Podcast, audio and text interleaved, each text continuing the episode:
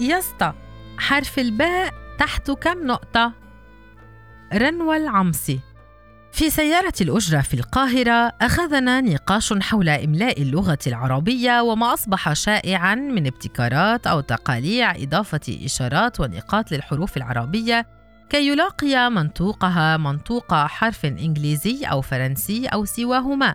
كأن تضاف لحرف الباء نقطتان فيلاقي في نطقه حرف بي في الإنجليزية.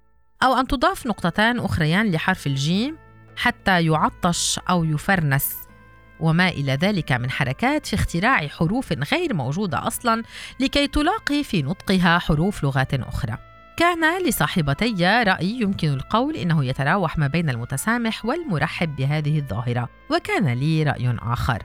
اشتد بيننا النقاش واحتد حتى شعر سائق سيارة الأجرة أن زبوناته الثلاث ربما يعانين من خلل ما. إذ تتعاركن حول النقاط فوق الفاء وأسفل الباء. ولم يسلم السائق من الأمر لأنني استنجدت به في عز النقاش. يا اسطى حرف الباء تحت كم نقطة؟ فأجابني مقدرا لي إشراكه في القضية. نقطة واحدة يا أستاذة. فما كان مني إلى أن التفت إلى محدثتي مكررة. نقطة واحدة يا أستاذة. ثم واصلت معجبة بالحلف الذي بنيته للتو بيني وبين السائق. يا اسطى عمرك سمعت عن حرف باء تحت ثلاث نقاط؟ أجابني لا لا يا أستاذة فالتفت إلى الجالسات في المقعد الخلفي المبتسمات من سياسة هذه لأكرر بأريحية الواثق لا لا يا أستاذة يمكنني عبر ملاحظة الشخصية تتبع بوادر الظاهرة وإعادتها إلى بداية انتشار التدوين الحر عبر منصات التواصل الاجتماعي والمدونات الشخصية والرسائل النصية التي لا تخضع الكتابة فيها لا لقواعد إملاء ولا نحو ولا لأي مراجعة. الكتابة عبر الوسائط الإلكترونية بدأت بدون خيار الحرف العربي أصلاً. فالتف المستخدم العربي على الأمر باستخدام الحرف اللاتيني والأرقام ثم بالخلط بينهما مرورا بتوفير خيار الحرف العربي وتعريب واجهات المواقع والتطبيقات وانتهاء بما إليه من ابتكار حروف جديدة حتى تتمكن هذه الحروف من مجاراة الموجات والصرعات التي تستجد تنتشر ثم تنحسر في غضون أيام. كيف وصلت هذه اللغة إلى الكتب والمقالات والحسابات الرسمية؟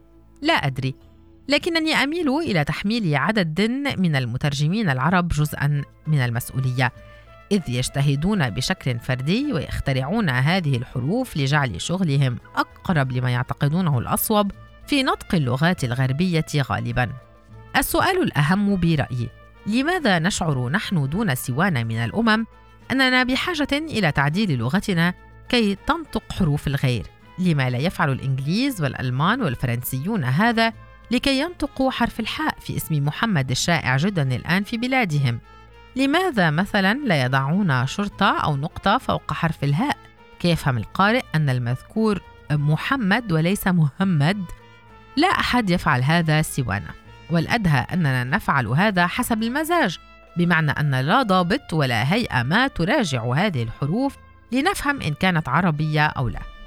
كيف تسربت هذه اللغة من مواقع التواصل إلى الكتب؟ والكتب التي حسب تقديري صادرة عن دور نشر محترمة ومقدرة. أعيش في أوروبا منذ سنوات ولا أرى لديهم حاجة لتغيير حروفهم من أجل أن تستوعب اسمي أو اسم غيري.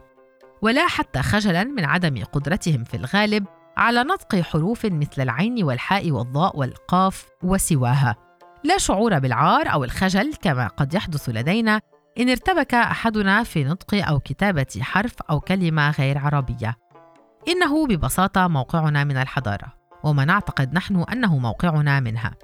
إن هذا على عكس ما يظن البعض ليس صدفة ولا نتاج فوضى أو قلة وضوح في المعايير وحسب وإنما انعكاس لموقعنا كعرب وكمتحدثي اللغة العربية من الحضارة ومن إنتاج المعرفة ومن رؤيتنا لأنفسنا. إن الجواب يكمن في ثنائية تسمى في علم اجتماع اللغة بثنائية اللغة والقوة language and power. ويجادل عرابوها أن اللغة ليست حاملا بريئا للمعنى إنها فاعل أيضا. في ثنائية اللغة والقوة عدة نواحي من بينها تراتبية اللغات واللهجات بمعنى أن ما يقال بالفصحى مثلا ينال اعتبارا أكثر مما يقال بالعامية وما يقال بلهجة المدينة يعتبر أكثر تحضرا مما يقال بلهجة أهل القرية. وفي حالتنا البائسة ما يقال بالإنجليزية يعد بمجرد قوله بالإنجليزية كلاما كبيرا وهاما بالضرورة. ذلك أن الحضارة تميل بكفتها الآن نحو الغرب والمعرفة والتكنولوجيا منذ عقود تنتج وتنقل عبر اللغة الإنجليزية. ما منح هذه اللغة قوة وتفوقا بمعزل عن المعنى الذي تحمله ووضع متحدثي اللغة العربية في تحد إما بتعريب كل المصطلحات القادمة أو نقلها كما هي. وأيا كان ما انتهت وتنتهي إليه خياراتنا، لا أظن أبدا أن لي ذراع لغتنا هو الخيار الاستراتيجي النابه والناجح، وإلا فإن العربية ستصبح علكة مطوعة للمتفوق من الحضارات، وبهذا المعنى سيكون علينا أيضا أن ندعو المترجمين واللغويين العرب للاستعجال بعمل تنقيط وتشريط جديد للعربية استعدادا لمجاراة لغة التنين الصيني القادم وهكذا.